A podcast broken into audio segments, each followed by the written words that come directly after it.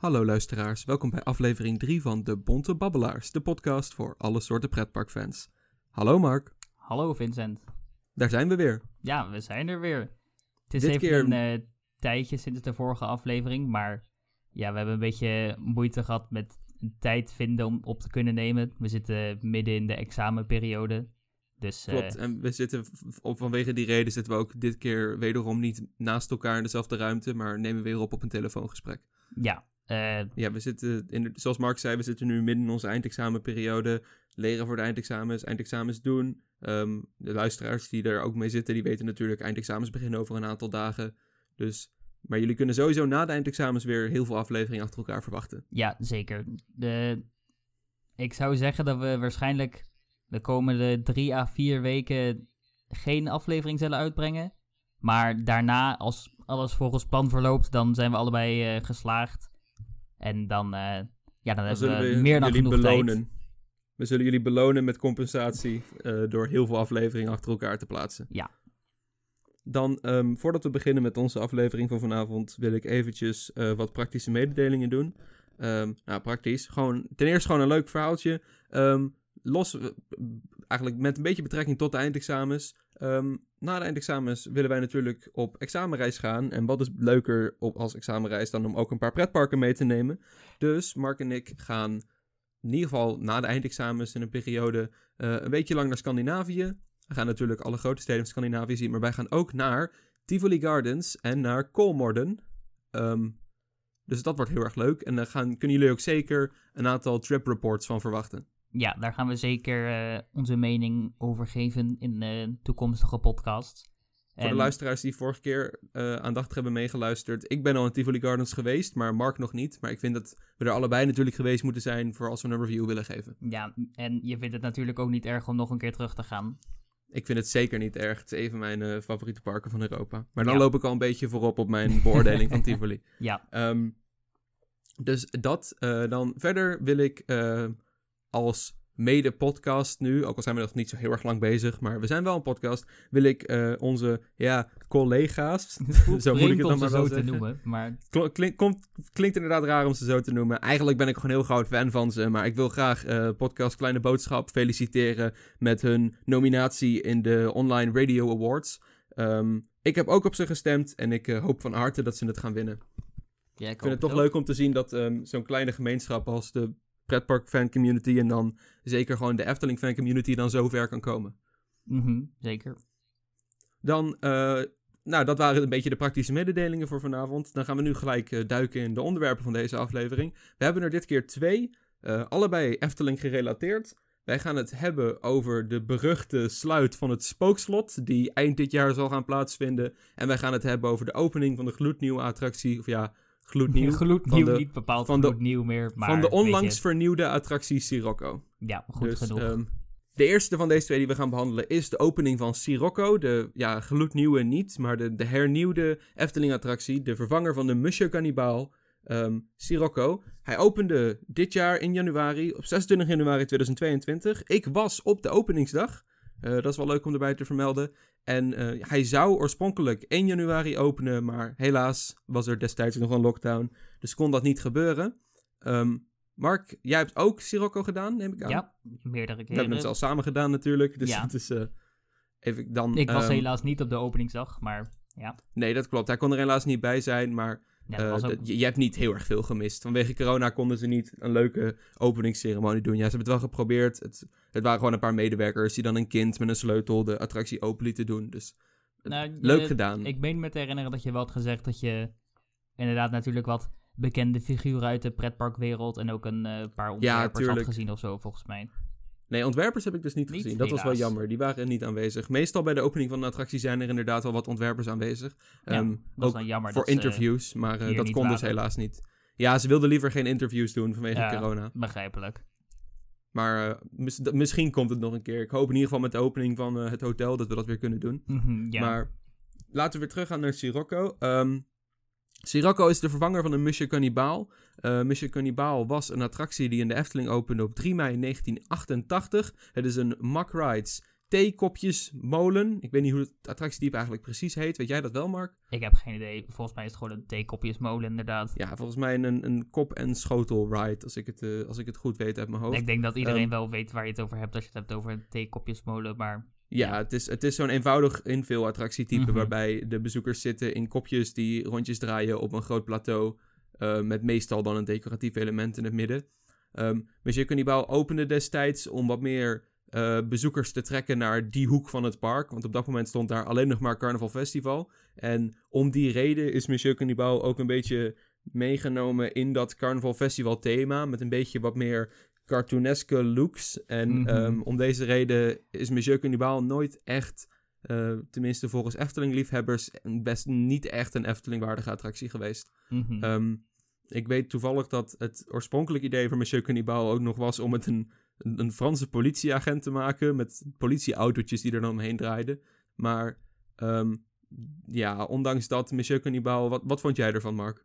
Ik weet niet. Zoals je zegt, is het inderdaad niet, was het niet echt een Efteling-waardige attractie.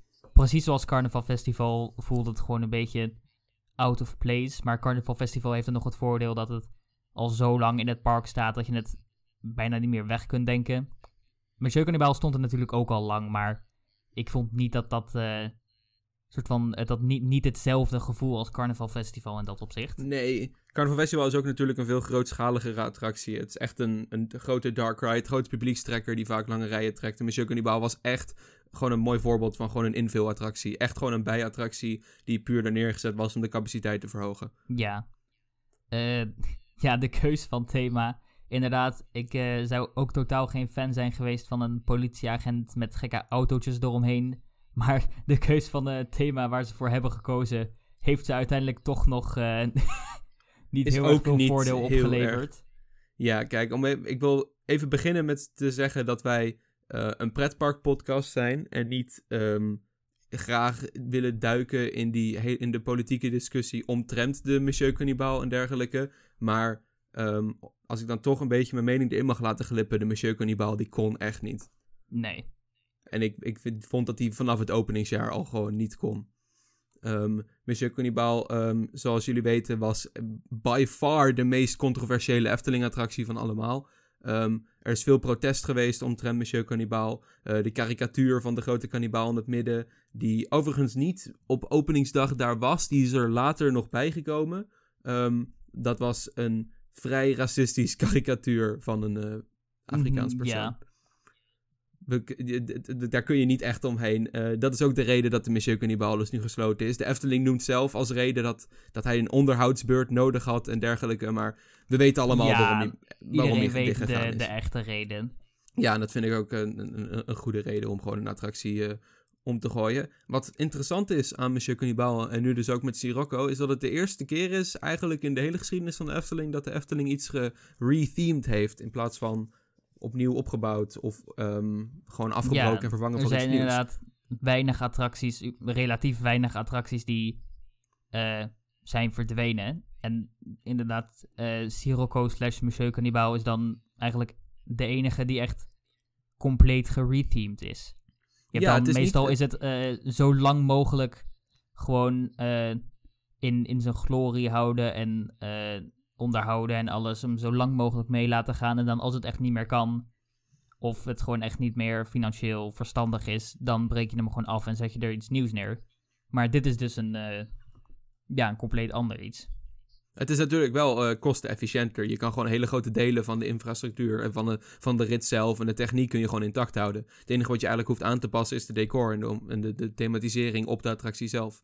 Ja, in Carnival Festival is natuurlijk ook wel wat veranderd. Het is niet, niet echt een retheme, maar het is wel op het punt waar eh, scènes op een redelijk drastische manier aangepast zijn. Ja, dat is inderdaad meer een, een opknapbeurt en een, een, een vernieuwing. Eh, maar niet per se een retheme. Want het, het idee en het thema van Carnival Festival is hetzelfde gebleven. Nee, dat zeker. Maar ik denk wel dat je dus inderdaad kunt zien dat deze, deze twee eh, ja, dingen dus niet afbreken, maar eh, aanpassen. In het geval van Sirocco dus compleet retheme en in het geval van Carnival Festival bepaalde dingen niet rethemen, maar wel een soort van relatief grootschalig aanpassen. Die hebben, dit, je kunt wel duidelijk zien dat dit, eh, dit zijn de enige twee voorbeelden daarvan die je kan bedenken. En dit hebben, Ja, deze dus- hebben natuurlijk ook een andere reden dan gewoon dat ze technisch gezien op waren, de attracties.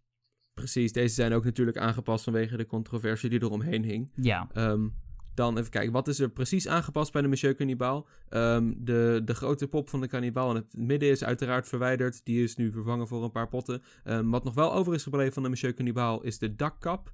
eh, die in 2002 door Michel den Dulk is toegevoegd aan de Monsieur Cannibal. Dat was omdat de Efteling net begonnen was met Winter Efteling. En de Monsieur Cannibal moest winterhard worden. Dus hebben ze die kap toegevoegd om hem een soort overdekking te geven. Zodat hij ook in het beetje koudere Nederlands klimaat door kon draaien. Ehm, en dat is eigenlijk een van de weinige onderdelen van de Monsieur Cannibal die nog over is. Want verder is bijna alles veranderd. ja. De wachtrij is verplaatst van de rechterkant naar de linkerkant van de tent, ja, overkapping eh, van de Monsieur Cannibal. De, ehm, de pop is weg in het midden. Die is vervangen voor een nieuwe pop die niet op het midden zit, maar hangt aan het plafond. En de theekopjes, de iconische theekopjes, zijn vervangen voor bootjes. Ehm, Theekopjes waren meer like soepketels. zo, kookpotjes, inderdaad, sorry. Het waren inderdaad eh, de, de kookpotten van de Monsieur Cannibal. Mhm. Ehm, ja, Monsieur Cannibal is een eh, attractie die voor mijn gevoel heel erg eh, zijn waarde haalde uit nostalgie en iconische waarde, maar niet echt uit gewoon Puur kwaliteit, van de attractie zelf. attractie, Ja. Want ik, ik was geen liefhebber van de Monsieur Cannibal. Ik moet ook toegeven dat ik er nooit in ging in de tijd dat hij er nog wel stond. ja, ik ook niet. De soundtrack vond ik wel leuk, maar Ja, dan daar ben ik het per mee se eens. Ik, eh, eh, een geweldige fit voor de Efteling. Laat ik het maar- zo zeggen, ik vond het inderdaad een leuk liedje, maar ik vond het niet per se een leuk muziekje om de Ja, hele precies. tijd over het Reisrijkplein te horen. Ik weet ook niet of het dan komt omdat ik het gewoon echt een leuk liedje vind. Of omdat het inderdaad dus gewoon zoveel nostalgie en alles aan verbonden is. Maar Ja, ik denk dat het toch wel een grote deel nostalgie is. ja, Dan, ja, Sirocco, ehm, je betreedt de attractie nu aan de linkerkant van het gebouw. Oh ja, ik moet natuurlijk wel even vertellen dat Sirocco onderdeel is van het hernieuwde gebied De Wereld van Simbad in de Efteling. Eh, wat ze in principe hebben gedaan is het thema van de Vogelrok doortrekken over het hele plein. En het is een van de eerste, tenminste dat zeggen ze zelf, een van de eerste pogingen om echt een themagebied in de Efteling te maken. Los van de natuurlijk al bestaande rijkenstructuur. Eh, want het gebied ligt nog steeds in Reizenrijk. Maar ze willen nu ook echt één gebied volledig in het thema van één sprookje gewoon doorthematiseren. Wat vind jij daarvan, Mark? Ehm, ja, het is op zich wel interessant, zeker bij de Efteling. Omdat de Efteling een van de weinige parken is die dat tot nu toe eigenlijk niet of bijna niet had gedaan. Misschien het Volk van Laaf is een mini-themagebiedje. En het Anton Pieckplein zou je wellicht als een mini-themagebied eh, mini-themagebied kunnen zien. Maar eigenlijk verder waren het niet echt themagebieden en meer een eh, afzonderlijke attracties met een eigen gebiedje eromheen. Klopt. Wat, waar, waar je dus wel degelijk de sfeer van de attractie in dat gebiedje had. Maar niet met meerdere attracties op één plek. Terwijl dat wel de, eh, de tactiek is die de meeste themaparken toepassen. Dus het is Ja, wel zeker aan- interessant om te zien eh, hoe de Efteling dit doet. In vergelijking tot andere parken, omdat ze dit eigenlijk nog nooit hadden gedaan. Ehm, ik denk, ze kunnen het natuurlijk prima laten werken, maar ik denk niet per se dat het iets is wat ze echt nodig hebben of zo. Nee, ik ook niet. Ik ga ook heel eerlijk zijn. Ik ben er niet de, de grootste voorstander van. Ik zie de Efteling echt heel erg als een park dat één grote doorgetrokken Efteling-stijl heeft. En allemaal zich afspeelt in een groot bos. Ehm, en waarbij de paden tussen de attracties echt een, een goede parksfeer moeten hebben. Waarbij je niet per se in de thema's van attracties ondergedompeld hoeft te worden. Ik vind het heel leuk bij de Efteling en ook heel origineel dat een thema pas begint wanneer je echt de attractie betreedt. Of bijvoorbeeld in het geval van de Fata Morgana het gebied van de attractie. Ehm, maar ik vind eh, juist heel leuk dat de Efteling het voor elkaar krijgt om heel veel verschillende thema's en stijlen bij elkaar te doen. Maar ze toch allemaal bij elkaar te laten passen, doordat het allemaal in die Efteling-stijl is. Denk aan, ik noemde net het gebied van de Fata Morgana. Daar ligt nu het gebied van Max Moritz eh, naast. En het gebied van de Piranha ook relatief in de buurt. Ehm, en je zou denken dat die gebieden met elkaar, dat dat heel erg zou botsen. Want je hebt aan de ene kant de, de architectonische stijl van een Duits dorpje. Je hebt de Arabische stijl van de Fata Morgana. En je hebt de Mayaanse stijl van de Piranha. Maar toch voelt dat heel erg alsof het gewoon bij elkaar hoort, omdat het allemaal Eftelings is. Ja, zeker. Dus ik, eh, ik vind het een, een leuk idee. Ehm, ik ben het niet met de Efteling eens dat dit hun eerste themagebied is. Want ik denk dat. eh, ik ben van mening dat de Efteling heel veel themagebiedjes per ongeluk eh, al heeft gemaakt. Ik vind namelijk Max en Moritz ook een themagebied. Dat is nu namelijk. Je hebt Max en Moritz, dat heb je, de achtbaan. En dan heb je twee horecapunten, namelijk de Vrouw Bolteskuge en de Bekkerij Krumel. Dat is eigenlijk op zich ook een themagebied. Ik denk als ze het ooit nog voor elkaar krijgen om de pandaloods weg te werken en eh, te thematiseren tot een soort berg, dan heb je daar echt wel gewoon een themagebied. ja, zeker. Ehm, Hebben ze dat nooit de- een themagebied genoemd dan? Volgens mij hebben ze het in, in, in, in de reclames en making-ofs wel eens gezegd dat ze daar een soort van themagebied willen doen. Maar niet op het niveau van nu met Simbad. Want eh, wat leuk is aan de wereld van Simbad is dat het ook echt op de plattegrond vermeld staat als wereld van Simbad Ah. eh, eigen themagebied. En dat staat bij de andere themagebieden niet zo.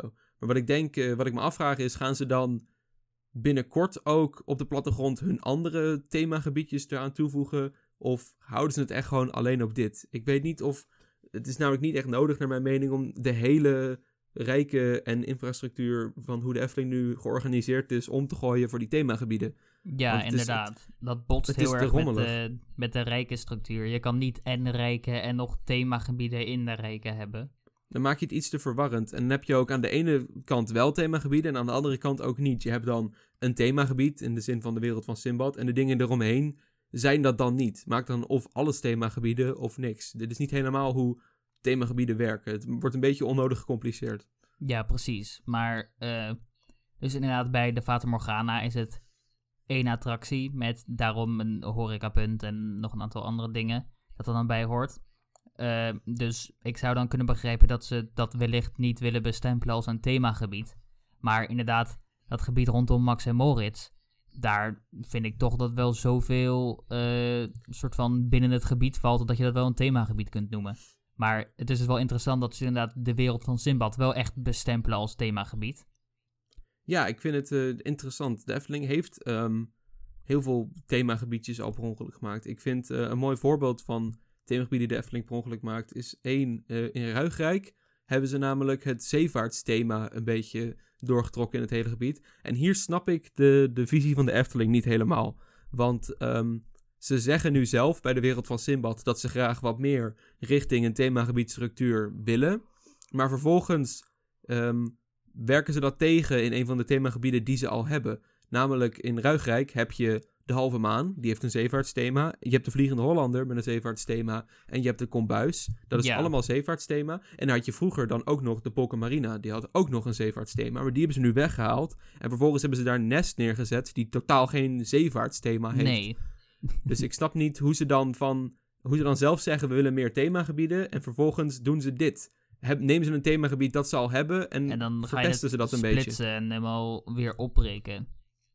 Precies. Een ander mooi voorbeeld van een themagebied dat Efteling heeft is de, de wereld van Pardoes. Je hebt namelijk Symbolica en Polles Keuken en de schatkist, het podiumpje, dat soort dingen eromheen. Plus de, de, de Pardoes promenade. Dat is ook in feite een soort themagebied. En dat is allemaal doorgetrokken in de stijl van Pardoes. Ja, ik denk dat dan in ook- feite de themagebieden die de Efteling tot nu toe heeft, zijn niet per se gebieden van een heleboel attracties met hetzelfde thema. Maar het is wel heel vaak een attractie en dan een horecapunt en eh daarbij gethematiseerde toiletten, een souvenirwinkel, allerlei dat soort dingen. Ja, en gewoon kleine dingetjes. Zoals jij het Anton Pieckplein is er ook een voorbeeld van. Want ik vind persoonlijk bijvoorbeeld de stoomcarousel hoort ook heel erg in dat Anton Pieck thema en het diorama.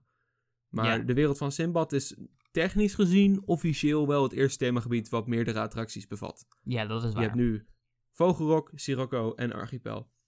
Ehm, dus dat. eh, we gaan weer terug naar Sirocco. Ehm, de, de, de attractie heeft echt een complete overhaul gehad. Ehm, je betreedt de attractie aan de linkerkant onder een heel mooi vormgegeven bord door.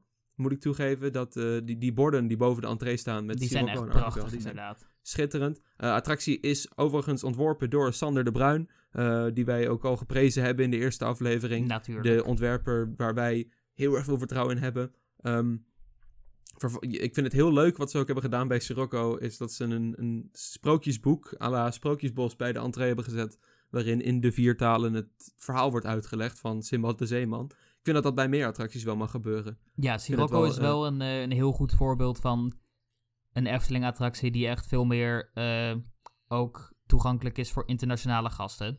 Want je hebt dus Klopt. en Er is inderdaad dat boek waarin in vier talen het verhaal wordt uitgelegd. En natuurlijk tijdens de attractie zelf heb je de, de, de stem en het, eh, daar, die wordt afgespeeld. Die is ook in het Engels. Klopt, dat vind ik, eh, dat is een goede stap van de Efteling. De Efteling begint steeds meer internationaal geliefd te worden. Ja. Ehm, en dan is het ook hartstikke belangrijk om wat meer toe te gaan naar je buitenlandse bezoekers. Denk Mhm. aan wat ze nu met Baron en Symbolic hebben gedaan. Dus ik moet zeggen, daar gaan ze de goede kant mee op. Ja, Ehm, ik vind het fijn dat ze dit niet te in your face maken, maar een beetje subtiel houden. ja inderdaad.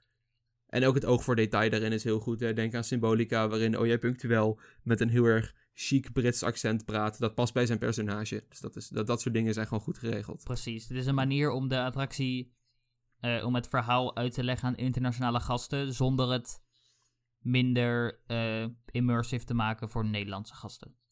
Ja, een attractie waar ik heel erg graag zo'n boek bij zou willen zien verschijnen is de Pagode. Die heeft namelijk eh, een compleet onduidelijk Oh, verhaal. dat is een hele goede inderdaad. Ze zijn nu toch bezig met een onderhoudsbeurt van de Pagode. Ik ben voorstander van zo'n boek dat nu ook bij Circo staat, om dat bij de entree van de Pagode te zetten. Zeker, ja. Want ondanks dat je bij de pagode niet echt een verhaal nodig hebt, er is verder letterlijk niks waar je het verhaal aan kunt afleiden. Dus, Nee, precies. en, En natuurlijk hoeft niet elke Efteling-attractie een verhaal te hebben. Denk aan Fata Morgana of Droomvlucht. Maar ik denk dat het bij Pagode wel gewoon een leuke kleine plus kan zijn. ja, en nu je dus inderdaad de pagode zegt, daar zit ook weer een eh, bijpassend horecapunt bij. Dus ik Ja, denk dat er zijn echt, als je puur denkt aan een volledig themagebied zoals dat in de meeste eh themaparken voorkomt, dan kun je bij de Efteling inderdaad vrij weinig dingen aanwijzen. Maar als je echt gaat kijken naar oh, van, een, van die mini-gebiedjes, dan zijn ze echt overal te vinden. Klopt, de Efteling, bijna elke attractie is wel een minigebiedje. Bijna elke attractie heeft wel een bijbehorend horecapunt. Of gewoon een bijbehorend element dat, dat bij de attractie past. ja, gebiedje daaromheen wat, eh, wat verschillende elementen heeft die het thema ondersteunen, zodat het niet gewoon letterlijk een, een, een, een bos is met één boom-attractie erin. Nee, precies. Het Een zorgt, beetje meer wel dat je al een beetje... wordt in, in, in het landschap eromheen. Ja, precies. De, de sfeer van de attractie begint ook al een beetje bij de aanloop naar de attractie zelf toe. En toch past het nog steeds allemaal heel erg mooi in die Efteling-wereld. Ja. Op de- die manier is de Efteling heel erg uniek. Dus eigenlijk, ik zou het zonde vinden als ze heel erg hard op die themagebieden gaan. Want dan gaat dit unieke karakter van het park wel een beetje verloren. Mhm. Ehm, dan verder met Sirocco. ehm, een, van, een ding wat mij gelijk opviel was eh, de soundtrack. Ehm, we hadden het net over het, muzie- het muziekje van de Monsieur Cannibal. Ja, het was iconisch, maar oh man, wat een verbetering is dit. Ja, Het is echt een fantastische soundtrack. Ik heb hem al super vaak geluisterd op Spotify. ja, ik ook. Ik heb hem als mijn wekker staan zelfs. Precies. Heb jij, heb jij een favoriet nummer? Ehm, ik, ken, ik heb hem ook als mijn wekker, dus meestal hoor ik het als mijn wekker. En daardoor ken ik niet eh, alle tracks soort van... de titels uit ja, hoofd. het titel bij het nummer. Maar eh, een van mijn favorieten is wel zeker Varen op de Sterren, heet die volgens mij. Ja, daar ben ik het volledig mee eens. Die vind ik heel erg goed. Dat is zo'n niet- absolute banger. Ja, mooi gezegd, mooi gezegd. Ze zijn heel erg goed. Het is, eh, ik hoorde van mensen, v- van, vooraf aan hoorde ik het, het klacht van mensen dat het iets te generiek Arabisch was. Maar ik ben het daar niet echt mee eens. Ik vind het heel erg goed. Het is mooi, het is stijlvol, elegant. Het past in de, de sfeer van de wereld van de attractie. En het muziekje Storm op Zee, de ritmuziek, is ook gewoon weer een mooie oorworm met een melodietje dat eh, in je hoofd blijft hangen. Ja, absoluut. En ik weet ook nog dat eh, tijdens de making-ofs en alles, toen hadden we natuurlijk het, eh, wisten we dat René Merkelbach een nieuw muziekje hiervoor moest gaan compo- componeren. Eh, en toen waren wij een beetje bezorgd van, ja, we weten dat hij heel goed is, maar gaat hij ook voor de gemiddelde dagjesbezoeker eh, de iconische muziek van Monsieur Cannibal kunnen overtreffen slash vervangen? En Ja. ik denk dat hij dat zeker heeft gedaan. Ja, dat heeft hij absoluut gedaan. Het is zoveel prettiger binnenkomen op dat plein nu. Vroeger kwam je dus dat, dat plein op en dan was het de muziek van de Monsieur Cannibal die heel erg echode over het hele gebied. Eh, met die irritante toeter slash bel die eh, als de Monsieur Cannibal begon met draaien. Oh, Maar ja, nu nee. word je gelijk ondergedompeld in sfeer. Vooral als de attractie aan het draaien is. En de ritmuziek hoor je terwijl je op dat plein loopt. Het is een veel prettigere omgevingsmuziek dan eerst. Dan, ehm, ja, dat, dat is in ieder geval de muziek. Ehm, en dus het storybook ding aan het begin van de attractie. Dan de rit zelf. De kap is helemaal volgestouwd met manden vol proviant, met thematisering, aankleding, manden met vissen en de grote pop in het midden die aan een ladder hangt van... Ik dacht dat het Simbad zelf was, maar dat schijnt dus niet zo te zijn. Dat is gewoon de handelsman die eh, de handelswaar verkoopt. Ja, het is een, een, een, een gemiddelde handelaar. En wauw, wat een fantastisch mooie pop is dat. Ja, Ondanks ook- het feit dat hij niet beweegt. Hij ziet er gewoon zo Eftelings uit. ja, en de pop beweegt dan misschien niet. Maar doordat de ladder wel heen en weer schudt, krijg je toch een heel mooi dynamisch effect tijdens de rit. En Precies. dat versterkt het, het idee van dat je in een storm zit zo erg. Hij, zit ook, hij, hij voelt ook heel erg eh, levendig, die pop. Ja, Door zijn uitdrukking en dus inderdaad het feit dat hij heen en weer schommelt. En het feit dat je hem natuurlijk hoort praten tijdens de rit. mhm. ik moet wel Dus zeggen, de, de watereffecten en zo om de attractie heen, tijdens de rit had ik eigenlijk iets meer van verwacht. Maar Ja, ja, daar ben ik het ook wel mee eens. Maar dat is ook een beetje aan de Efteling. Eh, die hadden het een beetje Mhm. opgehyped als echt... Je, je, je zit midden in de, het hart van de storm en daar gingen ze heel diep op in. Terwijl, at the end of the day zijn het gewoon een aantal plofpotten die aan de buitenkant van de attractie staan die af en toe opspatten. Ja, Ik moet zeggen, ik vind het wel leuk dat de plofpotten er zijn. Want ze Dat voegen wel heel waar. veel kinetische energie toe aan het gebied. En het is ook altijd leuk om dan de dagjesbezoekers te zien in de wachtrij... die dan schrikken van het water dat plots omhoog spat. ja, Maar ik had eh, inderdaad wel iets meer watereffecten verwacht. Iets meer golven, iets meer draaikolken, dat soort dingen. Ja, maar ik, ik had ook het idee van. eh ze hadden het inderdaad een beetje te veel opgehyped. En dan heb ik het idee van. Eh, als ze het dan zo eh, groot hadden eh, laten lijken. dat je denkt van. hé, hey, ze zeggen nu wel dat je je echt gaat voelen alsof je in het midden van de storm bevindt. Maar dat kan helemaal niet. Dus dan had je dat wel kunnen verwachten. Maar ik heb het idee van als ze de watereffecten net wat. echt een soort van twee keer zo groot, wat in principe nog steeds te doen is.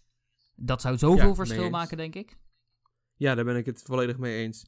Ehm, maar dat is dan natuurlijk wel een beetje meer eh, ja, neuken. ik weet niet hoeveel duurder dat is ook. Maar ja, het Nee, is inderdaad een, niet, beetje, een beetje onnodig gezeik.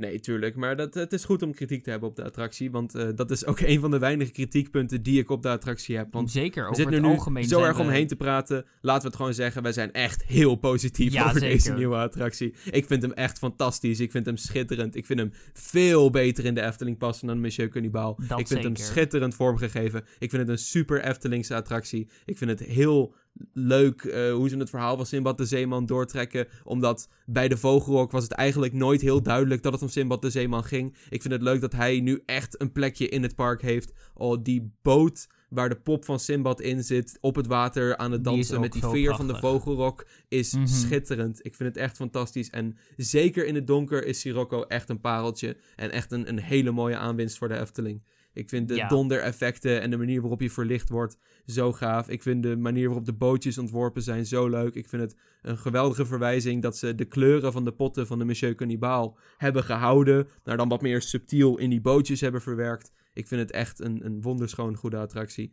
En je hoort Efteling-fans wel eens zeggen van...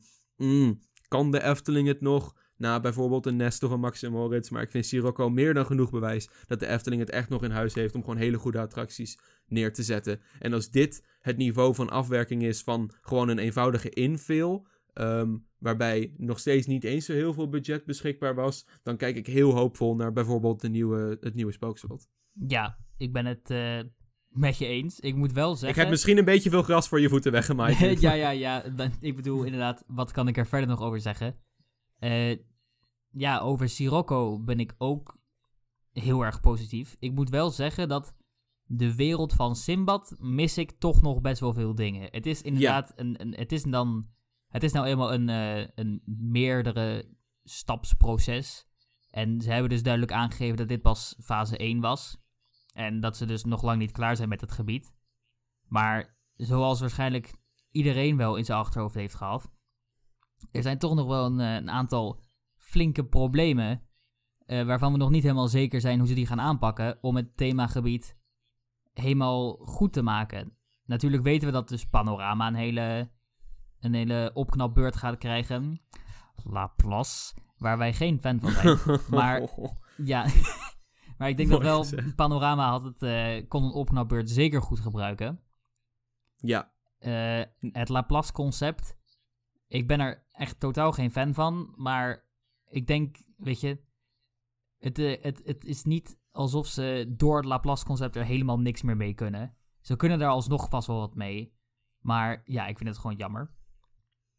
Ja, klopt. Eh, en wat, wat ik dan als we eh, een beetje naar die, de meer kritische kant gaan, ehm, zijn we nog een groot ding vergeten. En het feit dat we het vergeten zijn, zegt al genoeg over dus de attractie zelf. Namelijk Archipel, de speeltuin naast Ja, Sirocco. Archipel. De vervanger van het kinderavonturen Dolhof.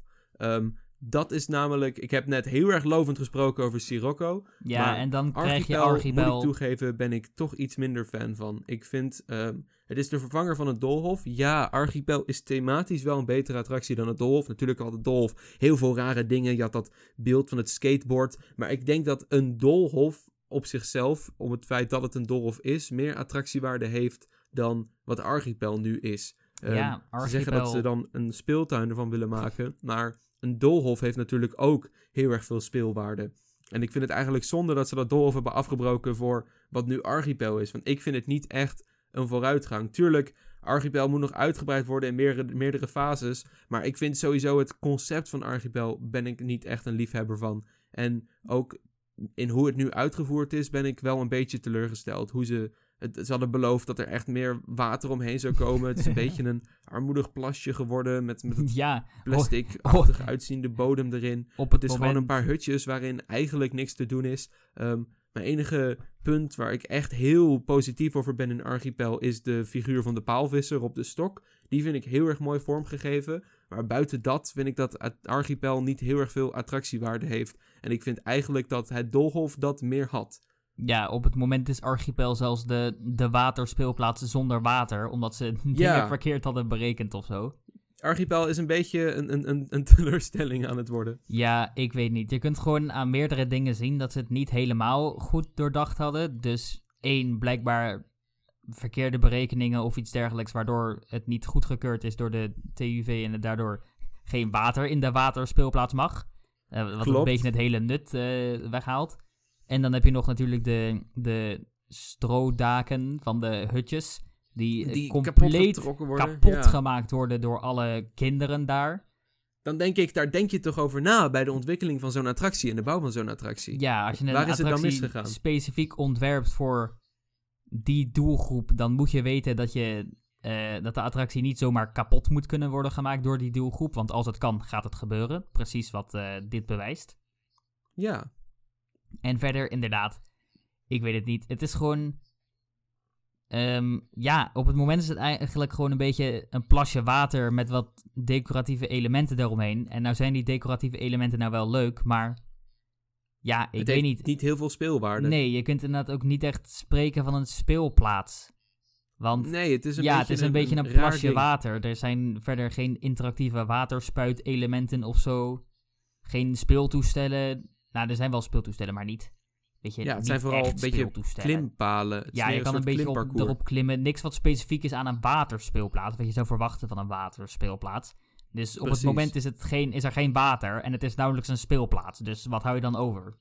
Ik snap ook de keuze niet helemaal eh, van de Efteling om nu zowel met Nest als met Archipel om zoveel speeltuinen te blijven bouwen. Ik snap, ehm, bij Nest snap ik nog wel enigszins de keuze van een speeltuin. Namelijk, het is goed om in zo'n gebied een speeltuin te hebben waar de kinderen in kunnen spelen, terwijl de grote broer en papa en mama in de achtbanen kunnen. Maar ik, ik, zie, ik zag het nut van Archipel niet helemaal in. Ik, ik, ik vind het gewoon een raar iets dat de, de Doolhof daarvoor heeft moeten wijken. Ja, ik denk zeker. dat misschien een, een retheme van het Dolhof had kunnen werken. Ja, dan ook weer past dat niet zo heel netjes in thema. Ik denk dat we met Archipel gewoon een beetje moeten afwachten tot de meerdere fases. Ik weet dat ze Archipel willen uitbreiden. Want ik moet in ieder geval zeggen dat de manier waarop Archipel er nu bij ligt, eh, ben ik er niet heel positief over. Nee, ik ook niet. Ik vind het mooi, ehm, ik vind het een mooi iets om naar te kijken als ik in de wachtrij van Sirocco sta. En zo zie ik het ook meer dan een attractie op zichzelf. Ja, precies. En ik moet ook wel zeggen, inderdaad. eh, het is goed om iets te hebben voor die doelgroep, wat dan niet per se een attractie is, zodat je ze bezig kunt houden terwijl de rest van de familie in een attractie gaat waar zij niet in mogen slash durven. Maar het hele concept van speeltuinen in pretparken ben ik niet zo van. Want nee. eh, ja, er zijn ook losse speeltuinen. Weet je, als je naar een speeltuin wil, ga dan gewoon naar de speeltuin bij jou in de wijk of zo. Ehm, maar ik heb ook het idee van, dat dan inderdaad een, een wel eh, heel erg leuk en interactief, nou niet echt interactief, maar eh, je kan er zeker interactieve Actief. dingen mee doen. Zo'n type attractie als een doolhof, dat is zo uniek. Weinig pretparken hebben het. Eh, ja, Drievliet toevallig wel, maar het doolhof van Nou, Drievliet is niet Toverland bepaald... heeft eh, er één, Hellendoorn heeft er één. ja, ehm, oké. Maar en- weet je, ze Efteling zijn er. Maar als je kijkt naar wat ermee gedaan kan worden met het concept van een doolhof, denk ik dat er eigenlijk geen enkel pretpark is wat echt de, de complete potentie van een, van een doolhof en wat het kan zijn, ondanks dat het zo'n simpel iets is, heeft het zoveel potentie. En ik denk dat er geen enkel park is die die, die, die potentie volledig, eh, die Nee. volledig heeft ontdekt. En ja, ik vind het jammer dat de Efteling dan, weet je, ik snap. Het is inderdaad het geval dat ook het doolhof altijd nogal eh, zwaar te verduren onder de kinderen die daar naar binnen gingen. Eh, Klopt. dan heb ik het vooral over de heggen waar mensen gewoon Waar dwars gewoon doorheen dwars gingen doorheen lopen liepen, en dat ja. soort dingen. Maar het lijkt me dan heel erg leuk om een echt een goed uitgevoerd doolhof. En dan wellicht kun je het eh, niet per se eng, maar eh, iets Mysterieus. spannender maken of zo. Zodat het misschien ook minder aantrekkelijk is voor de echt kleine kinderen. Dus dat maakt het ook een stuk makkelijker om het te onderhouden. Omdat niet alles Ja. gesloopt wordt. Maar ja, ik, in ieder geval, het was een beetje een, een sidetrack. Maar het lijkt mij heel erg leuk om een keer Nee, in, een, het, in een eh, pretpark een goed. goed uitgevoerd doolhof te zien. Ja, nee, wat ik een beetje had, het avonturendool van de Efteling, nee, kwalitatief was het niet heel mooi. En het, het, het, eh, de, de uitvoering van thematisering was niet heel Eftelings, maar het had op zich wel eh, een leuk, mysterieus en wat meer speels elementje. Ik vind de, hoe ze het water erbij hebben gedaan en de bamboehutten. Ik denk dat ze best wel goed met Archipel ehm, het als doolhof hadden kunnen houden. Ik denk dat als ze gewoon het, eh, de, extra bamboehutjes hadden gebouwd, een paar van de lelijke cartooneske thematiseringen hadden verwijderd, vervolgens Archipel noemen, beetje nevel over het water en eh, wat mooier aankleden her en der, dan had dat best wel wat moois kunnen worden. Ja, ik denk ook een van de sterke punten van een doolhof is dat je, het, je wordt letterlijk geforceerd om het te gaan onderzoeken. Je gaat erin, Ja. je weet niet waar de uitgang is, dus je gaat het maar ontdekken. En dat geeft Precies. het park zoveel mogelijkheden om leuke elementen van thematisering in het doolhof toe te voegen. Waardoor het de echt bezoeker echt avontuurlijk te maken. ja, en de bezoeker dus echt eh begeleidt in zijn avontuurlijke ontdekking van het themagebied. En dat heeft zo'n, zoveel potentie, denk ik. Wat ik ook, eh, bijvoorbeeld met Archipel zeggen ze nu namelijk ook op de website en in de app. ehm, de, de, de, de verborgen stad Archipel, ga het ontdekken. Maar wat valt er te ontdekken dan? Ja, dat is een beetje mijn probleem met Archipel. Gewoon lege hutten. Het is, ja, er, er valt Ja. vrij weinig daadwerkelijk te doen in Archipel. Op het Dus moment dat is het ook mijn, niet eh, heel groot, inderdaad. Maar dat gaat Nee, nog daarom. uitgebreid worden als het goed is.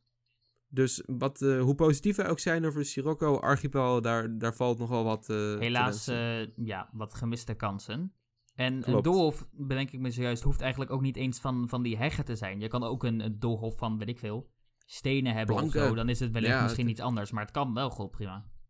Precies, het kan ook, eh, dat is waarschijnlijk ook onderhoudsvriendelijker dan Ja, echt van die heggen.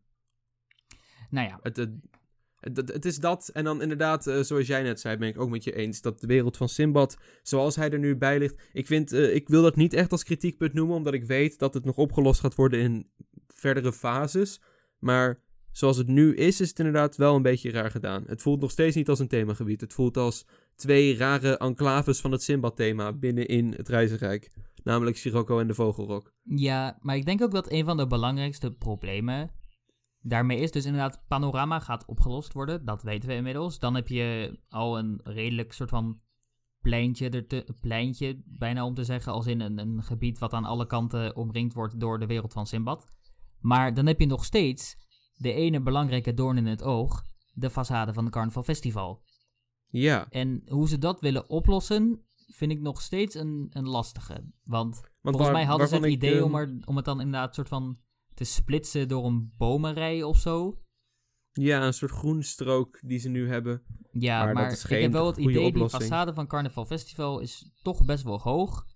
Dus voordat je dat echt goed wil wegwerken, wordt, wordt heel ingewikkeld. En ik denk ook, Je moet natuurlijk iets van ruimte voor Carnaval Festival houden, omdat het natuurlijk ook een attractie is met een ingang daar en mensen moeten er kunnen staan. en het is een hele veel. populaire attractie, dat moet je ook niet vergeten.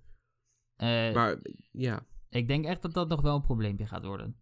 ik heb hier eh, ook inderdaad het een en ander over te zeggen. Kijk, ehm, wat ik net zo prees, het feit dat je in de Efteling zoveel verschillende stijlen met elkaar kan mengen, eh, maar het alsnog bij elkaar past omdat het Eftelings is, dat is precies waar het hier misgaat, omdat Carnaval Festival niet Eftelings is. En dan merk je hoe erg zoiets detoneert in een gebied waarbij alles zo'n netjes Eftelingachtig afgewerkt is.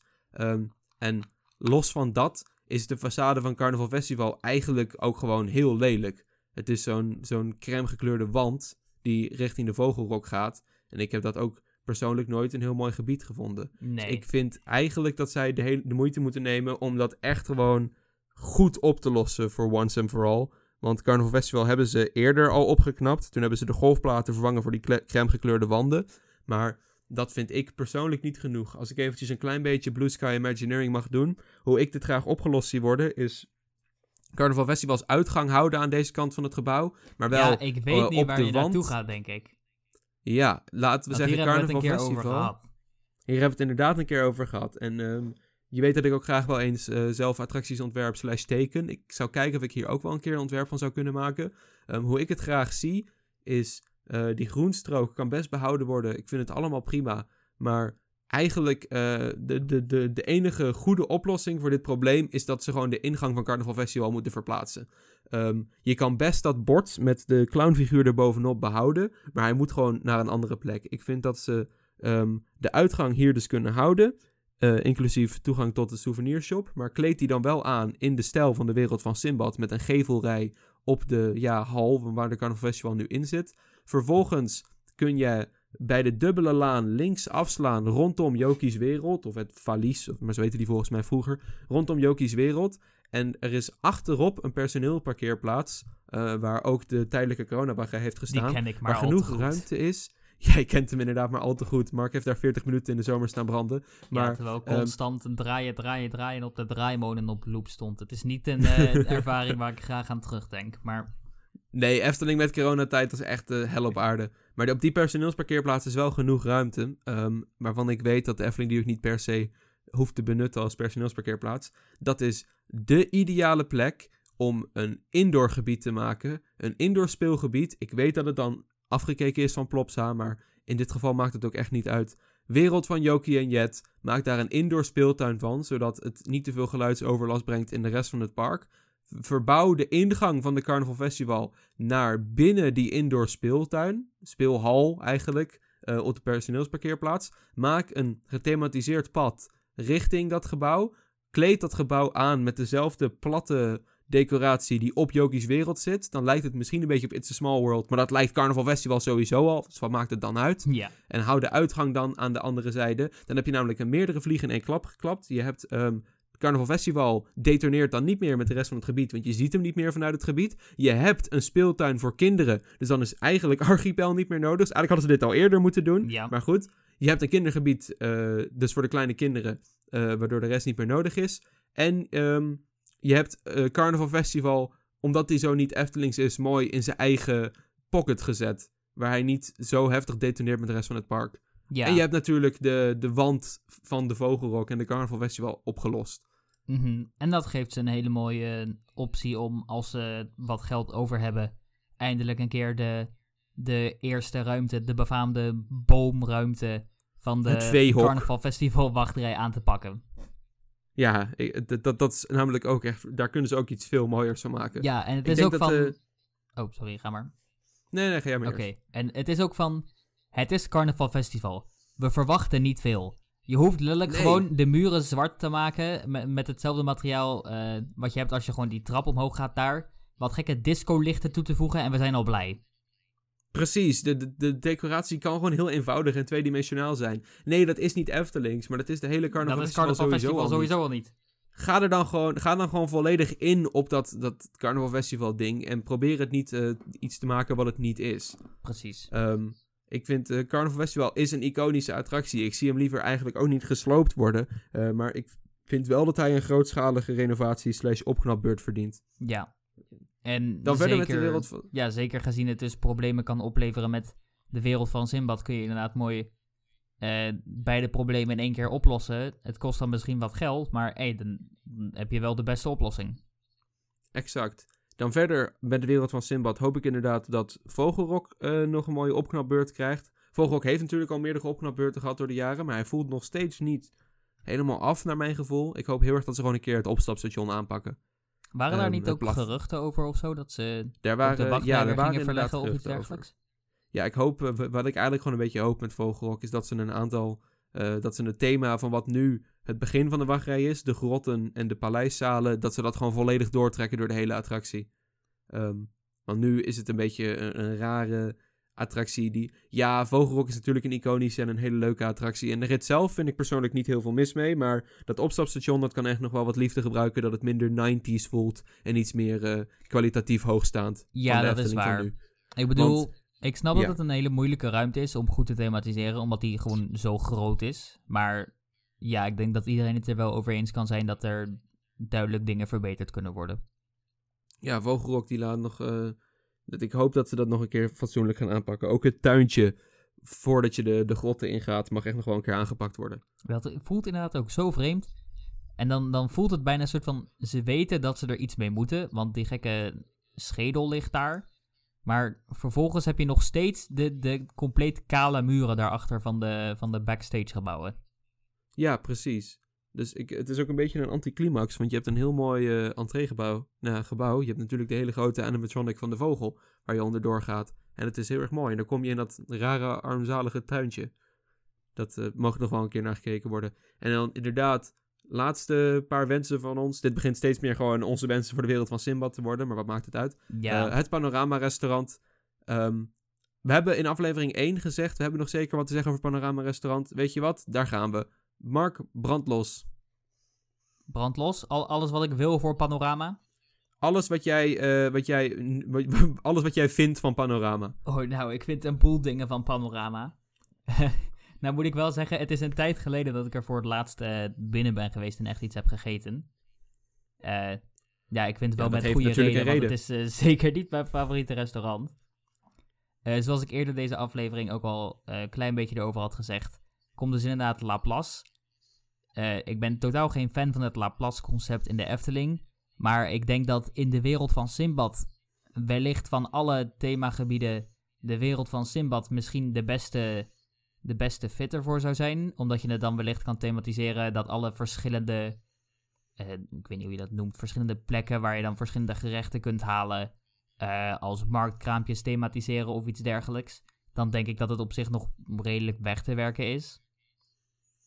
Ehm, qua exterieur van het gebouw Persoonlijk vind ik het echt heel erg lelijk. Ik zou het niet erg vinden als het gewoon compleet zou worden afgebroken en er een nieuw Ja, ding zou worden gebouwd. Maar ik denk dat ze. Eh, ja Panorama is een beetje een, eh, een restant uit een andere tijd. Panorama is echt een heel erg jaren 50 gebouw. En dat is natuurlijk heel leuk en, en nostalgisch. Maar het, het, voelt, het komt zo gedateerd over tegenwoordig. Het ja, is gewoon niet meer wat het geweest was. Het is echt vergaande glorie. Vroeger had je nog het schitterende café-restaurant aan het water, aan de, de Siervijver. Met zijn gigantische terras aan het eind van het grote wandelpark. Eh, maar met de komst van Carnaval Festival is dat al onnoben. En nu met de voetpaden die doorheen kruisen, de attracties die er tegenaan gepropt zijn. Het is gewoon vergaande glorie. Het is gewoon tijd om afscheid te nemen van dat ding. En er echt een fatsoenlijk Eftelingwaardig restaurant neer te zetten. ja, ik heb ook het idee dat. eh, toen het werd gebouwd, werd het meer gebouwd als gewoon een restaurant. Omdat er toen in de omgeving toch bijna niks van attracties met thema's Nee, en was- zo te het- vinden was. Het was toen nog gewoon bedoeld als het restaurant van een, eh, van een wandelpark. Je moet het een beetje zien als het clubhuis van een golfpark bijvoorbeeld. Je had alleen nog het Sprookjesbos. Het was niet, nooit het idee op dat moment om dat helemaal door te trekken door het hele wandelpark heen. Ja, en als dan eh, zo'n gebouw nu wordt gevraagd om, om mee te gaan in, de, in, in dus het gebied waar het thema heel belangrijk is, dan ja, je kunt niet van dat gebouw verwachten dat dat, eh, dat, het dat goed kan. Tuurlijk is Panorama nostalgisch en natuurlijk eh, heeft het zijn charme. Maar ik vind dat, de, de, dat dat niet genoeg is om het gebouw op dit moment nog echt te kunnen redden.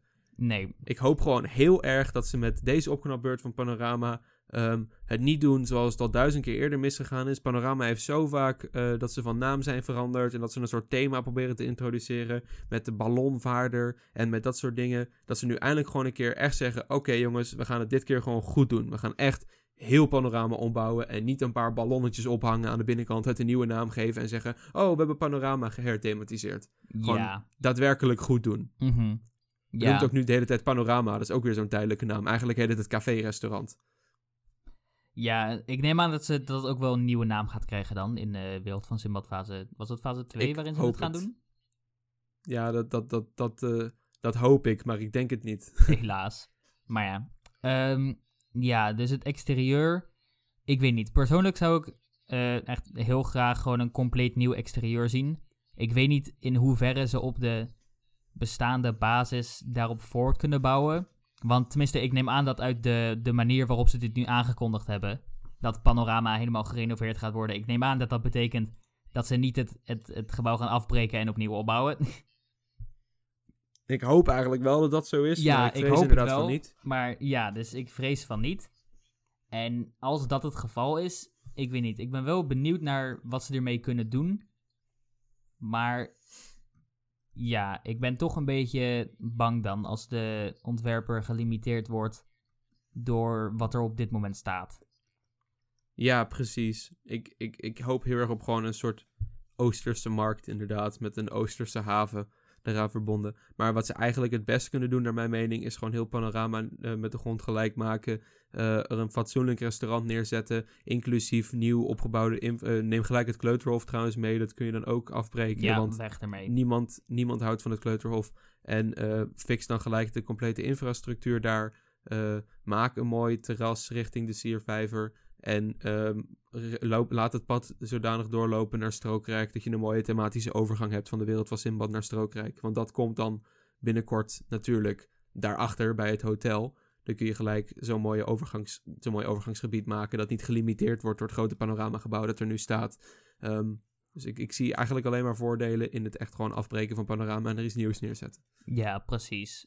Ehm, ja, ik weet dat het was niet. het wel eigenlijk zo'n ja, beetje. dat was het eigenlijk wel. Ik weet niet. Dat is eigenlijk alles wat wij over de wereld van Simbad te zeggen hebben. heb ik niet. Nee, ik, ik moet toegeven, als Efteling-fan heb ik natuurlijk wel wat met panorama. Het is een gebouw met ontzettend veel historische waarde.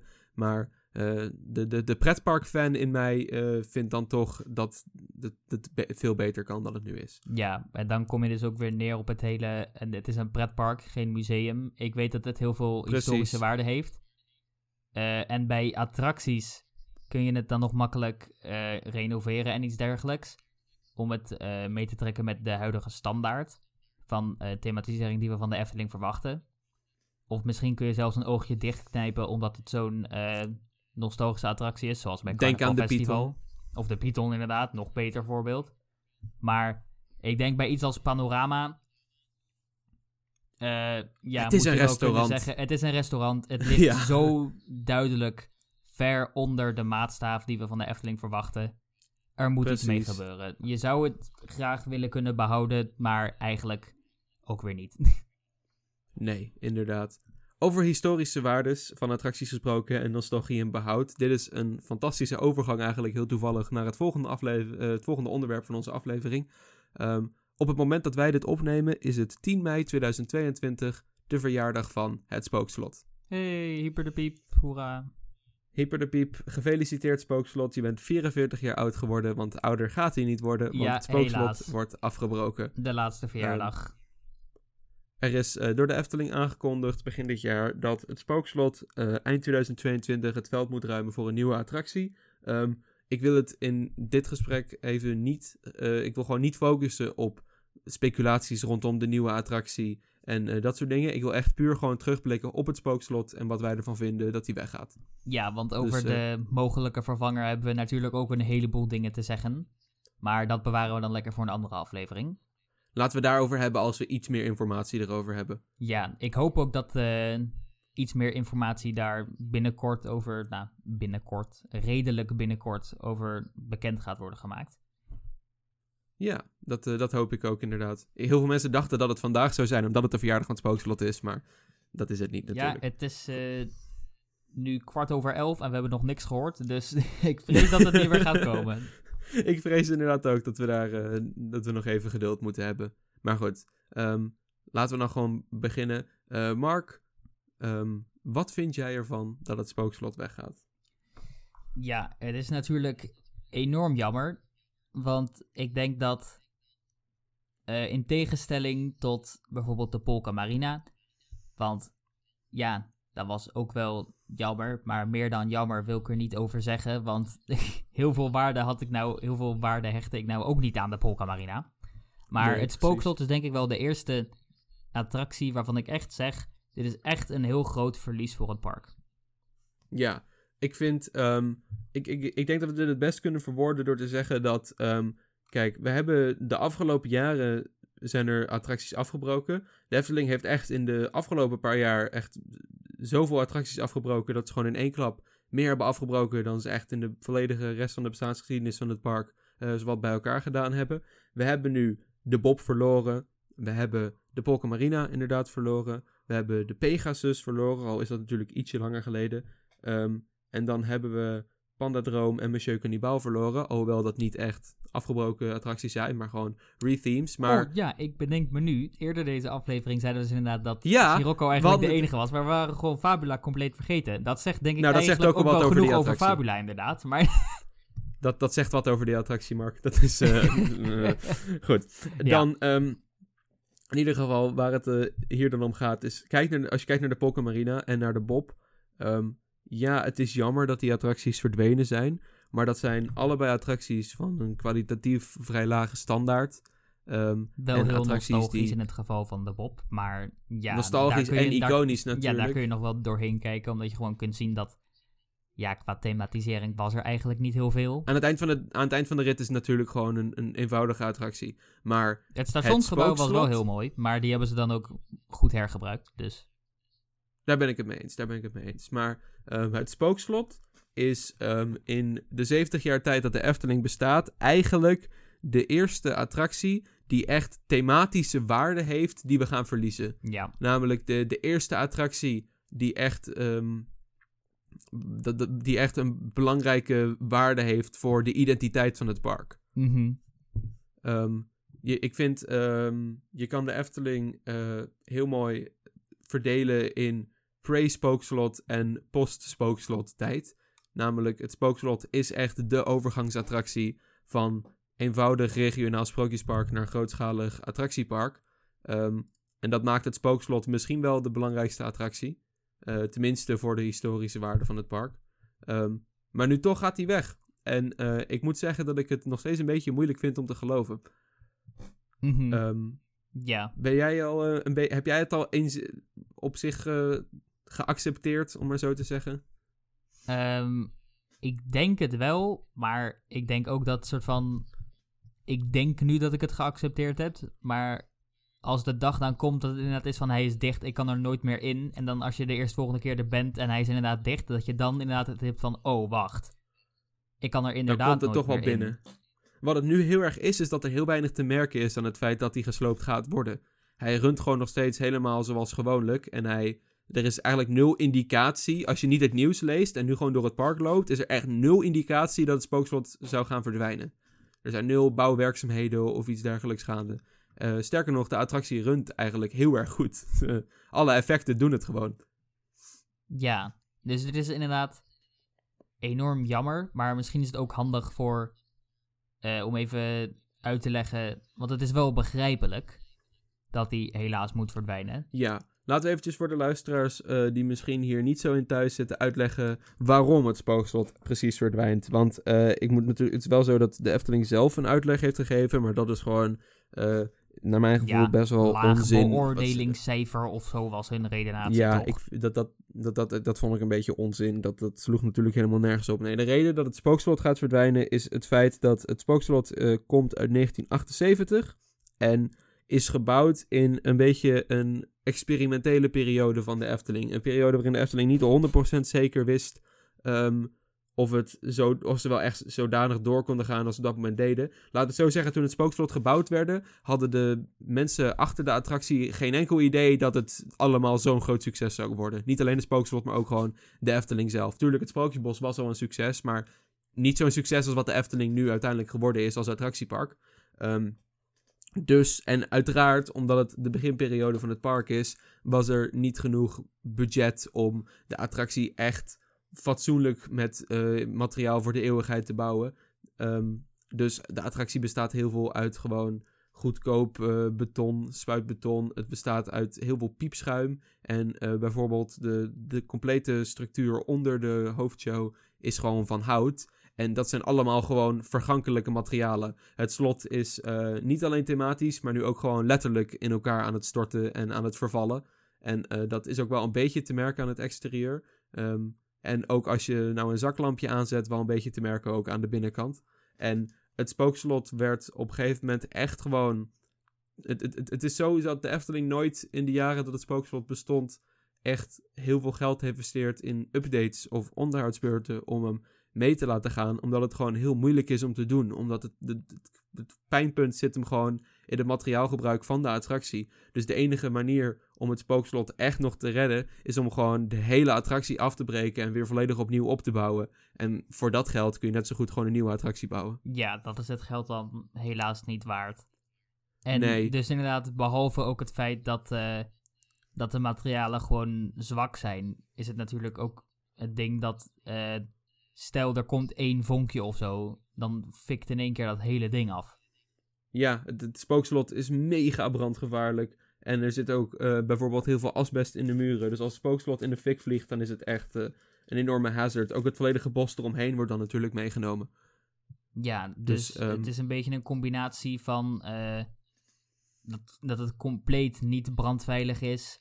Dat er het zou nooit meer door de keuring komen in 2022. Het was toch ook het geval dat Stel je zou gaan lopen in de hoofdshow, dan zou je er gewoon doorheen vallen of zo, of niet? Ja, klopt. Je kan gewoon niet meer door de hoofdshow heen lopen, omdat je dan door de grond heen zakt, omdat het hout, uh, de structuur die de hoofdshow uh, verstevigt aan de onderkant, die is gewoon aan het rotten. Ja, en volgens mij was het uh, door een combinatie van dit soort dingen. ja, en een van de redenen dat ze hem geen grote onderhoudsbeurt wouden geven, is volgens mij toch dat stel hij heeft een nieuwe onderhoudsbeurt gehad, dan komt hij gewoon niet meer door de keuring heen, door dit soort dingen. Nee, precies, dat zei ik net ook al. Dit komt anno 2022 echt niet meer door de keuring heen dus van een attractie van tegenwoordig. Ze kunnen hem bijna niet eens een onderhoudsbeurt geven als ze zouden willen, tenzij het dus echt een gigantische opknapbeurt zou zijn, maar die zou het geld dan weer niet waard zijn. Precies, dus het is hartstikke begrijpelijk dat hij weggaat, ja, maar dan het is alsnog gewoon jammer. een hele vervelende, lastige situatie voor het Efteling management. Ja, precies. Ik, kijk, en natuurlijk uh, werd er gelijk moord en brand geroepen toen het werd aangekondigd dat hij weg zou gaan. Maar uh, eind van de rit is de Efteling ook gewoon een bedrijf met het oog op winst maken. En, en ook natuurlijk de belevenis van de gast en dat soort dingen. Maar het spookslot, um, natuurlijk komt dan de, de uitspraak die jij al net aanhaalde op. Uh, de Efteling is geen museum. En hier is dat dan wel heel erg merkbaar eigenlijk het enige wat het spookslot heeft, is inderdaad historische waarde. En het feit dat het wel een kwalitatief goede attractie is. Maar je moet ook gewoon vanuit een, een winstperspectief kijken. En dan is het gewoon niet haalbaar. Helaas. Ja. Het is uh, in tegenstelling tot bijvoorbeeld de Python, waarvan je heel makkelijk uh, voor best wel weinig geld. Of de pagode, uh, waar een grote onderhoudsbeurt niet zo heel veel geld kost. Voor een attractie als het spookslot is dat gewoon praktisch onmogelijk. Ja, nou, volgens mij was de onderhoudsbeurt van de Python nog flink duur. Maar ja, volgens mij heb je me ook een keer verteld dat het Efteling Management daar eigenlijk niet zo blij mee was. Met, uh... Nee, klopt. Ze zijn eigenlijk niet heel blij. Uh, het was eigenlijk ook niet een heel erg goede beslissing geweest. Want het heeft ze heel erg veel geld gekost. En natuurlijk levert het je geen geld op. Want met de herbouw van een attractie kun je niet zeggen: jongens, komt dat zien. We hebben hier iets nieuws. Dat is voor iedereen, nee, voor, voor de gemiddelde persoon verandert er gewoon niks. Ja, inderdaad. Dus het is een, een, een, een heel hardnekkige situatie. Ik weet nog wel. Uh, om, uh, dat vond ik wel grappig om te lezen. Iemand die op mijn forum had gezegd... Um, oh, hij krijgt een lage bezoekerswaardering. Het gebouw stort in elkaar. Hij is hartstikke brandgevaarlijk. Komt niet meer door de keuring heen en is te duur om te onderhouden. Uh, dat zijn geen goede redenen om een attractie af te breken. dan denk ik, ja, nou, wat, is, wat is dan wel een ja, goede reden om een attractie af te breken? de beste redenen. Dit zijn de redenen om een attractie af te breken. En dan, los van dat, uh, het is niet het enige argument, maar het is wel zo natuurlijk dat het spookslot uh, allesbehalve populair was. Ja, Natuurlijk heeft hij nu weer een kleine resurgence gekregen, omdat er aangekondigd is dat hij wegging. Maar voor de aankondiging was het spookslot niet populair. Ik heb regelmatig in gewoon lege zalen gestaan. Ja, ik denk wel inderdaad, zoals je ook al aangaf. eh, ik vind niet dat dat de enige reden mag zijn waarom ze hem afbreken. precies. Ze- niet in een park als de Efteling. Zeker Want, niet. eh, voor de mensen die het misschien niet weten, de Efteling is een non-profit organisatie. Dus natuurlijk Ja, kijken ze naar winst. Maar je zou misschien kunnen verwachten dat ze minder geldgraaierig zijn dan bijvoorbeeld Disney of iets dergelijks. Gewoon Ja, puur precies. kapitalisme, geef me jullie geld. En als iets niet het maximale eh, rendement oplevert, dat ze het dan gewoon niet doen.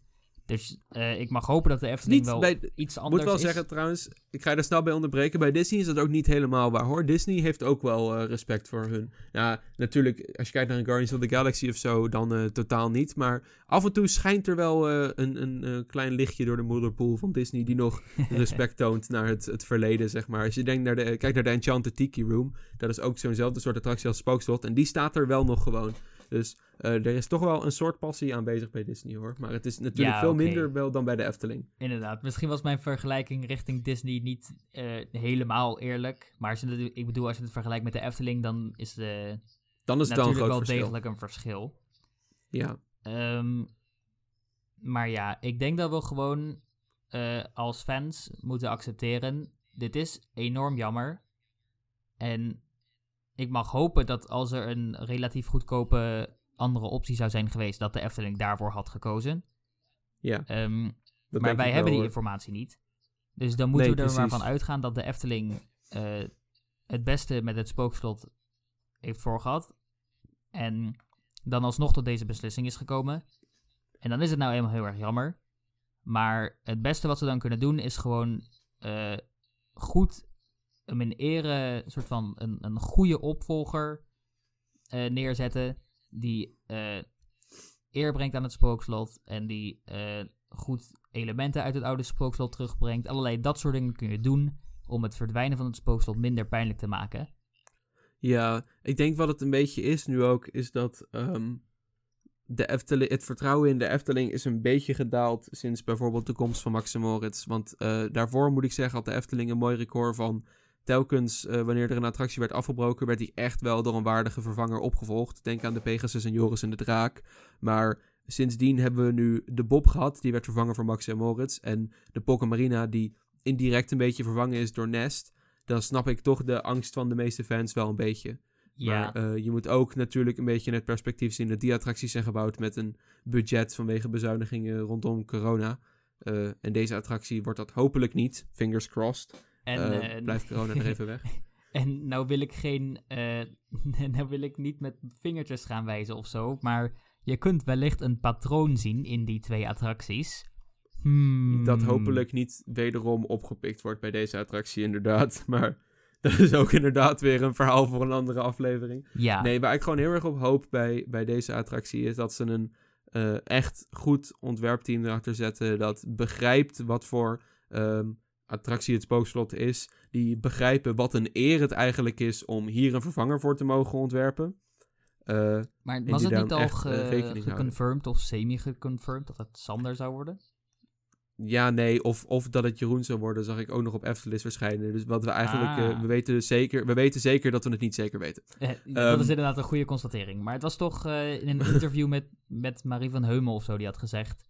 Ja, het is een Sander is beetje een goede ontwerper. Iets, iets wat Ja, daarom. als hij dus het het niet zou ontwerpen, heel, heel vreemd zonder reden daarin zijn gegooid. Maar Klopt, dus Ja, het is een beetje verwarrend nog, nu. eh, Maar dan, dan duiken we nu te diep in dus de, de vervanger van het spookslot. Laten we ja, dat is eh, een blijven bij een het spookslot keer. zelf. Ehm, het spookslot zelf, ehm, ik wil nog eventjes gewoon een kleine beoordeling geven op zich van wat, eh, wat ik nou van het spookslot vind. En wat jij natuurlijk van het spookslot vindt. Natuurlijk. Ehm, ik vind het Spookslot namelijk echt een hele mooie attractie. Spookslot is echt een attractie waar zoveel passie van afstraalt. Eh, en het is echt zo'n heerlijke attractie waarvan je de charm kan voelen. eh, en waarvan je de, de, de liefde kan voelen van de mensen die erachter zitten. Het is echt zo'n mooie attractie van, eh, die echt voelt als gewoon een, een hobbyproject van een groep getalenteerde ontwerpers. Die gewoon nog een beetje met elkaar aan het knutselen en experimenteren waren. Ehm, en het is ook echt, echt een heel mooi voorbeeld van een Ton van de Ven attractie. Namelijk die, die mooie vormentaal, die wat grillige figuren en de, de mooie duistere randjes eromheen. Dat is echt een heel mooi voorbeeld van een Tom van de Ven attractie. En het is gewoon heel erg zonde dat we zo'n soort attractie gaan zien verdwijnen. Um, Spookslot vind ik ehm, misschien wel een van de mooiste gebouwen van het park. Ik denk wel zeker in de top 5. Uh, misschien is dat nog wel een leuk onderwerp voor een aflevering. Maar mhm, ehm, het gebouw van het spookslot is echt fantastisch. Ik vind het gebouw van het spookslot is zo mooi. Het is rondom afgewerkt. Er zit zoveel. Het heeft zo'n mooie, enge uitstraling. En het is zo fijn dat je helemaal rondom dat gebouw kan lopen. Ehm, ik vind het zo leuk. Daardoor voelt het ook zoveel meer echt. Ik vind het zo leuk dat je uh, een beetje erin kan stappen, eruit kan stappen, er omheen, uh, over het heksenpad kan lopen. Uh, en daardoor heb je echt het gevoel dat het gewoon een kasteelruïne is. En heb je niet door dat het eigenlijk een attractie is. Eigenlijk een van de grootste strengths van het spookslot um, is ook een van zijn grootste zwaktes geworden. Namelijk, um, ik hoor heel vaak mensen die bij het entreeplein staan die dan zeggen: Moeten we hier wel naar binnen? is dit wel eigenlijk iets? Um, ja, dat, dat is natuurlijk heel slecht voor een attractiepark. Maar dat is zo fantastisch thematisch. Dat, dat je niet weet waar, waar je naar binnen gaat. Dat voegt zoveel mystieke en speelachtige waarden toe. En dat zie ik helaas wat minder tegenwoordig bij attractieparken. Dat je echt gewoon rondom zo'n gebouw kan. Erin, eruit, uh, wat je wil. Dat het zo echt voelt. Ja. Uh, of de, bijvoorbeeld door de gaande rij ernaast. Uh -huh. Het is inderdaad een beetje de manier waarop de wachtrij is opgezet de, de sfeer, de, de wachtrij, die is zo enorm goed in het creëren van de sfeer. Dat is trouwens ook echt een van de beste dingen van het spookslot en bijna ongeëvenaard. Um, Mee eens. Maar ja, dus inderdaad, die, die, die dynamiek dat je er, erin kan, daaruit. Uh, het voelt niet als een wachtrij als je daar naar binnen loopt. En precies, dat is, precies dat is een wat beetje wat ik probeer te zeggen. Zijn.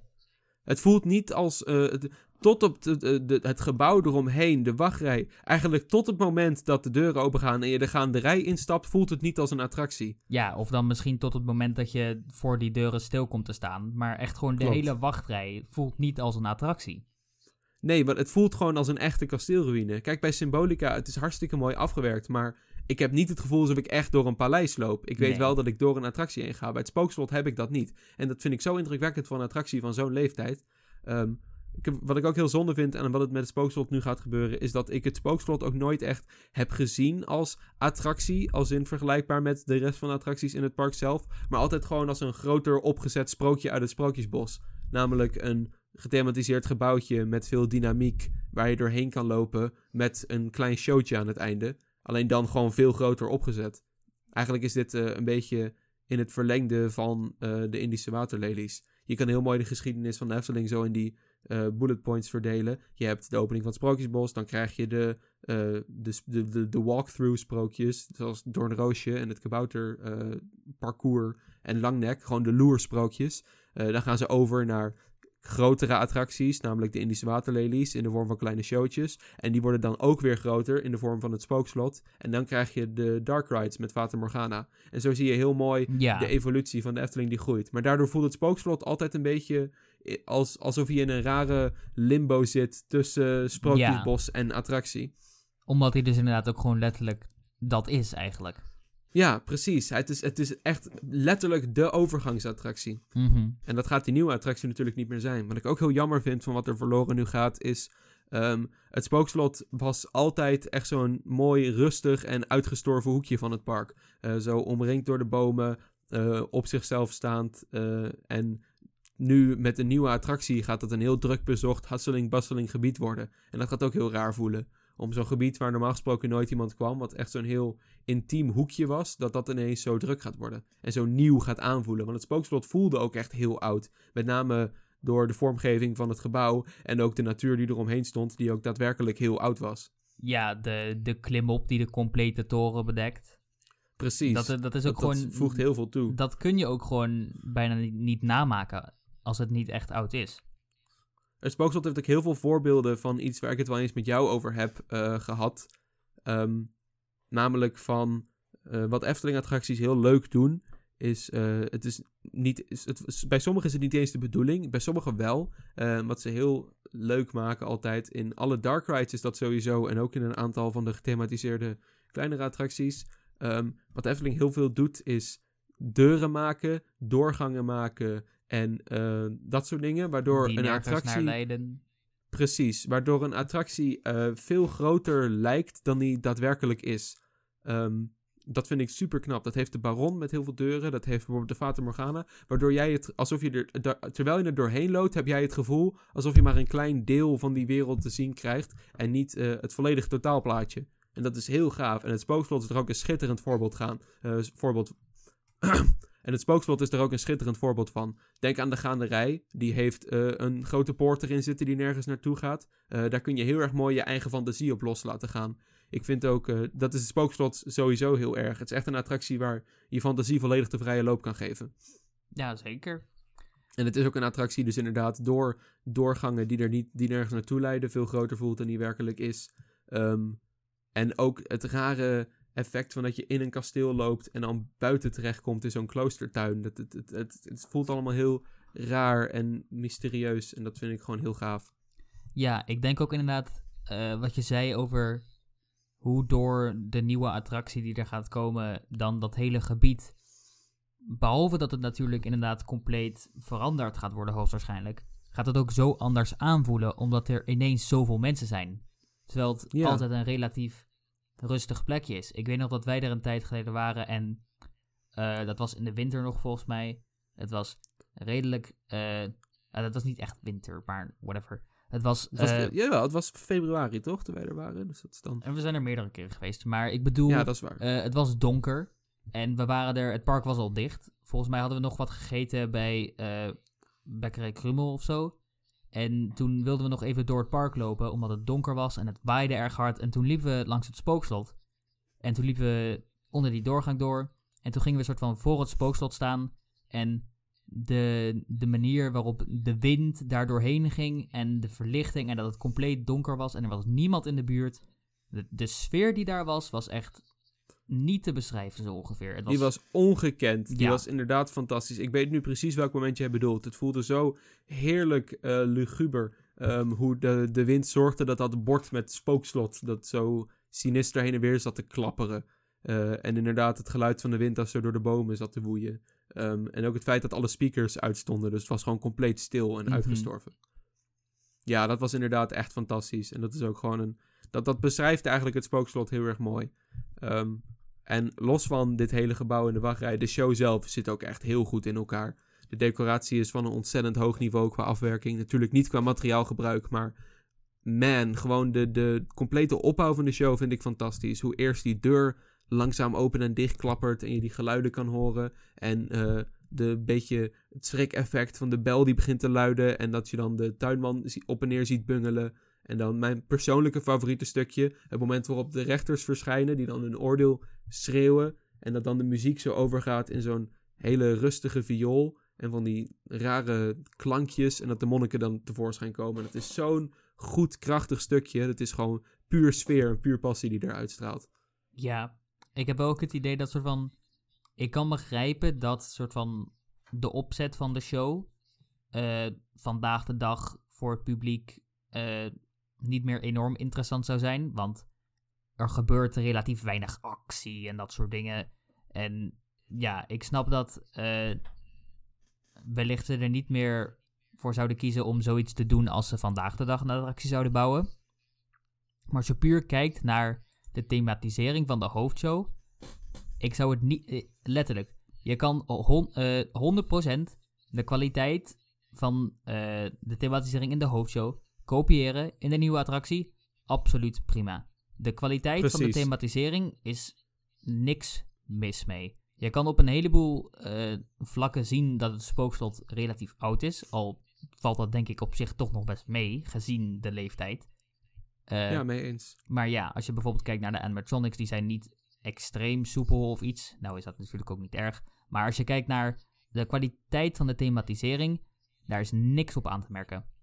Nee, dat is gewoon eigenlijk precies zoals de Efteling het nu nog steeds doet. Ja, Eh, dat is precies dezelfde kwaliteit thematisering die je ziet in een Fata Morgana of een Droomvlucht of zelfs nog in een Symbolica. ja, En, ehm, wat, en dan is eigenlijk de manier waarop hij sfeer creëert nog beter dan die andere. Los van de, dat de muziek is natuurlijk ook fantastisch. Dans Macabre. Het is niet een stuk van de Efteling zelf, maar ze hebben het wel echt heel erg eigen gemaakt. Door het gewoon eh, in zoveel media te gebruiken, in Aquanura te zetten en natuurlijk met de attractie zelf. Ze hebben het zo mooi gedaan dat als die muziek eh, te horen is in een groep van Nederlandse mensen, dat onmiddellijk mensen dat associëren met de Oeh, Efteling. Spookslot. Ja, precies. Gelijk van, oeh ja, dit is van de, de Efteling, van dat spookhuis. En los van de muziek, ik vind de soundscape in het spookslot ook echt heel goed. De, de geestengeluiden en de rare, beetje vervormde klanken en het gewoei en de, de druppeltjes en de hoge klanken. Dat is echt heel erg goed. Het is zo'n... Als je de Tom van de Ven documentaire kijkt, eh, volgens mij in deel 1, daar omschrijft hij het zelf perfect als... ehm, hij wilde niet een spookhuis hebben met daadwerkelijke schrik-effecten. Ehm, Hmm. Hij wilde dat het gewoon heel mooi was, maar wel een soort zekere rilling zou creëren. En dat is echt heel erg geslaagd. Ja, dat denk ik ook. Dus eh, ik heb echt heel erg veel lof voor het spookslot. Ja, dus... ik vind het eh, een, een schitterend afgewerkte attractie. Ik ga hem echt heel erg missen. mhm, mee eens. Eh, het verdwijnen van het spookslot, om het metaforisch te brengen, is een beetje alsof een oud familielid dat al heel lang ziek is, en waarvan je weet dat hij ernstig ziek is, plotseling komt te overlijden. Je ziet het aankomen, je kan je erop voorbereiden en je verwacht het, maar toch doet het heel erg veel pijn als het gebeurt. Beste luisteraars, dit was het weer voor aflevering 3 van De Bonte Babbelaars. Vonden jullie dit een leuke aflevering? Kunnen jullie altijd vragen of opmerkingen achterlaten op onze social media? We zijn te bereiken op Twitter via @bbabbelaars, Instagram via @debontebabbelaars en jullie kunnen ons een mail sturen op debontebabbelaars@gmail.com. Dat was hem weer voor vandaag. Dag Mark. Dag Vincent. En dag luisteraars.